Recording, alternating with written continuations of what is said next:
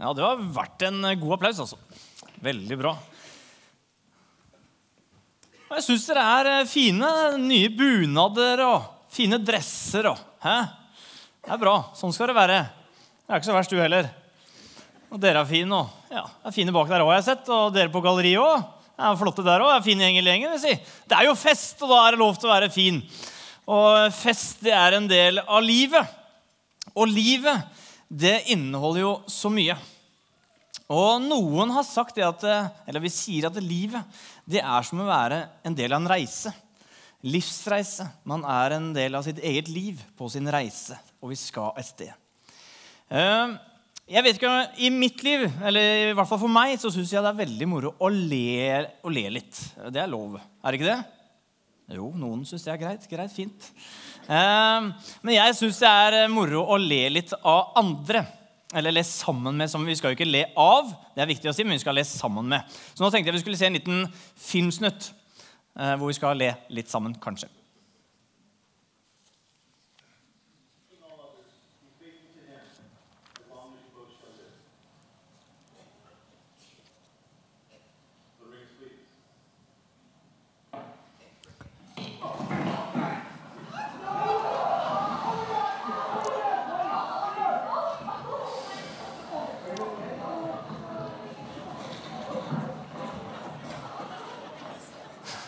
Det gikk ikke helt etter planen, for å si det sånn. Eh, men hvis vi ser litt, eh, ser litt, på livet, så er jo tabber det er jo noe vi gjør eh, mer eller mindre alle sammen. Jeg vil si at tabber det er en del av livet. Og når jeg liksom skulle forberede talen her, så tenkte jeg nå må jeg finne noen tabber. Det var ikke så lett, så da måtte jeg noen år tilbake. for jeg kunne finne en tabbe. Ja. Eh, uansett, så Det var noen år siden da meg og to kamerater vi skulle til Prekestolen utenfor Stavanger. Eh, som du ser på bildet der, så var Det var en sånn som eh, er på bildet her, var en, den perfekte dagen å reise til Preikestolen. Det var fint vær, eh, og Preikestolen har liksom god oversikt og god utsikt. Så eh, vi satte oss i bilen og var, var så godt humør. Og For å komme til Preikestolen fra der vi reiste, så måtte vi ta en ferge som skulle ta fem minutter og koste 75 kroner. Så vi kjører om bord og er liksom så fornøyd og smiler og ler. Og så går litt tid, og så skjønner vi at kanskje vi burde gå til billettluka. Og så går vi til billettluka og sier ja, ja, dere er tre stykker og én bil. Ja, det blir 750 kroner. Hæ? Så ser vi oss rundt, så har vi kommet på en turistferge i Lysefjorden. Vi var kommet om bord på en feil ferge. Eh, det var en eh, fin opplevelse. Vi fikk en fin tur i Lysefjorden, og vi var også noen tolker. faktisk, vi ble på en turistferge. Men eh, vi kom på feil ferge. Det blei en skikkelig bomtur. Eh, som førte til at vi fikk eh, lo litt og koste oss. Men livet Noen har sagt at livet det er ikke for amatører. Så da er det ikke rart at du og jeg møter på noen utfordringer inniblant. For på vår livsreise så har vi alle fått utdelt noe mellom ørene som vi kaller hjerne. ja. Noen har fått hjerne. Eh, og den, med den hjernen her så Alle har fått det. Så, men med denne hjernen så kan vi faktisk velge. Eh, og vi kan erfare ting, og så kan vi eh, forstå det at oi, hvis jeg fortsetter sånn, eller hvis jeg går her, eh, og hvis jeg følger ekstra med nå, så kommer jeg kanskje på rett ferge, osv. Så, så det er jo sånn at Gud han skapte ikke roboter. Han gjorde ikke det. Han skapte meg og deg med fri vilje. Han elsker meg og deg så mye at han lot oss velge i livet. Og det er et ordtak som sier Så en tanke, så høster man en gjerning. Så en vane, så, nei, så en gjerning, så høster man en vane. Og så en vane, så høster man en livsstil. For det er sånn at eh, de tankene vi har, og hvis vi jobber med de, så kan vi etter hvert så begynner vi å gjøre kanskje det vi tenker. Og det vi tenker, eller, og det vi gjør, eh, fortsetter med det, så blir det en vane. Og det vi gjør ofte, det sier noe om, om oss. Så det vil si at det er faktisk en sammenheng mellom den første tanken og der vi kan ende opp i livet. Det vil si at den tank tankene våre det har en enorm kraft. Så selv om du er konfirmant eller 30, 60 eller 90, så har tanken en enorm kraft. Men det vil si det at du og jeg vi kan ta en viss kontroll over de tankene. Og vi kan ta en viss kontroll over livet. Og det er jo litt lettere sagt enn gjort, for vi vet jo det at selv om jeg ikke skal gjøre det, eller vi ikke skal gå den og den veien, så hender det at vi gjør det for det. Det er merkelig, men sånn er det.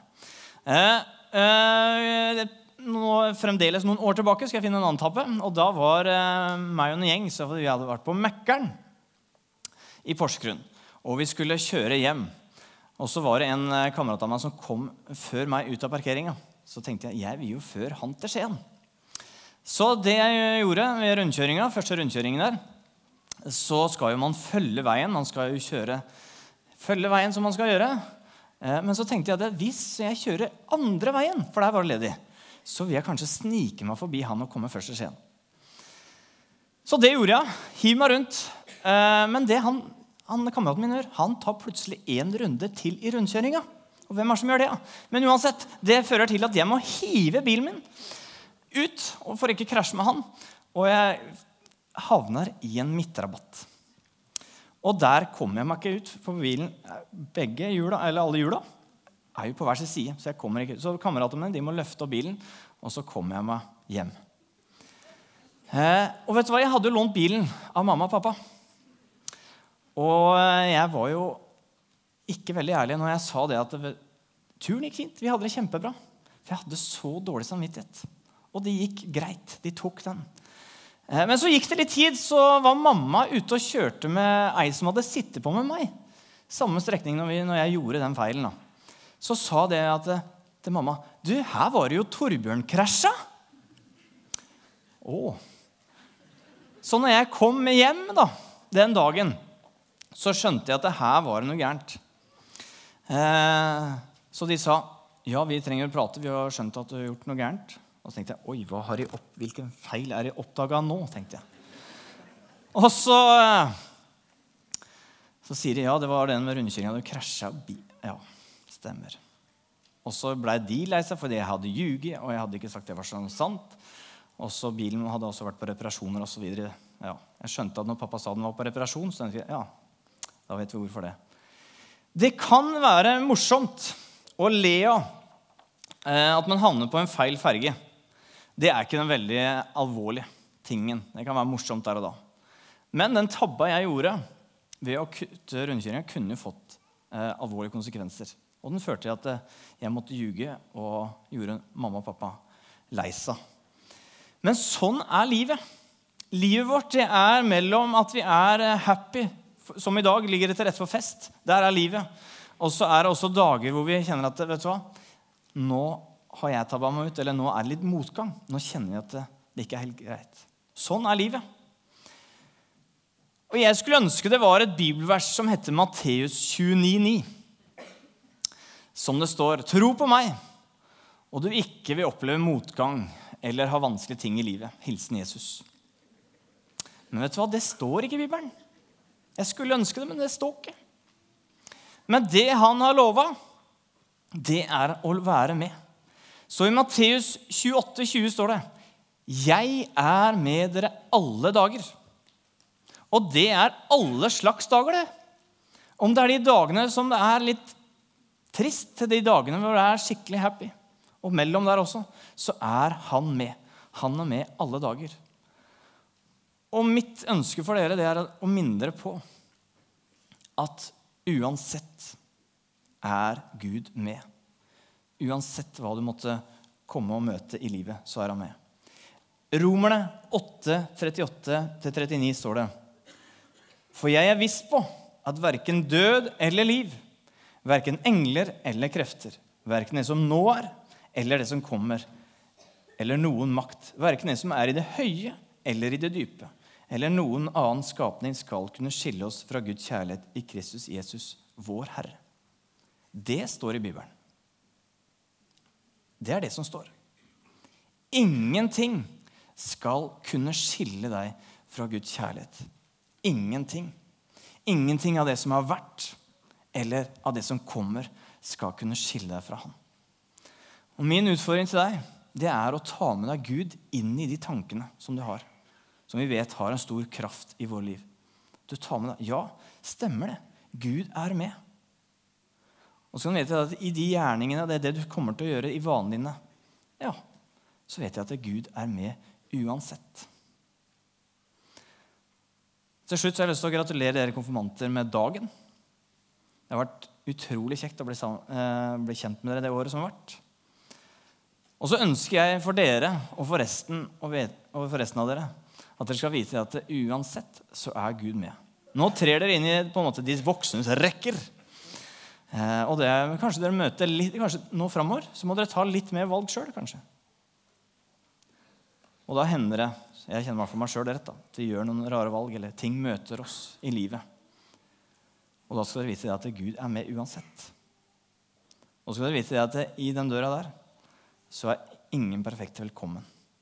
Vi ønsker å vite at, det, at du skal vite at det, hos oss så er alle velkommen. Uansett. For vi trenger Jesus like mye, alle sammen.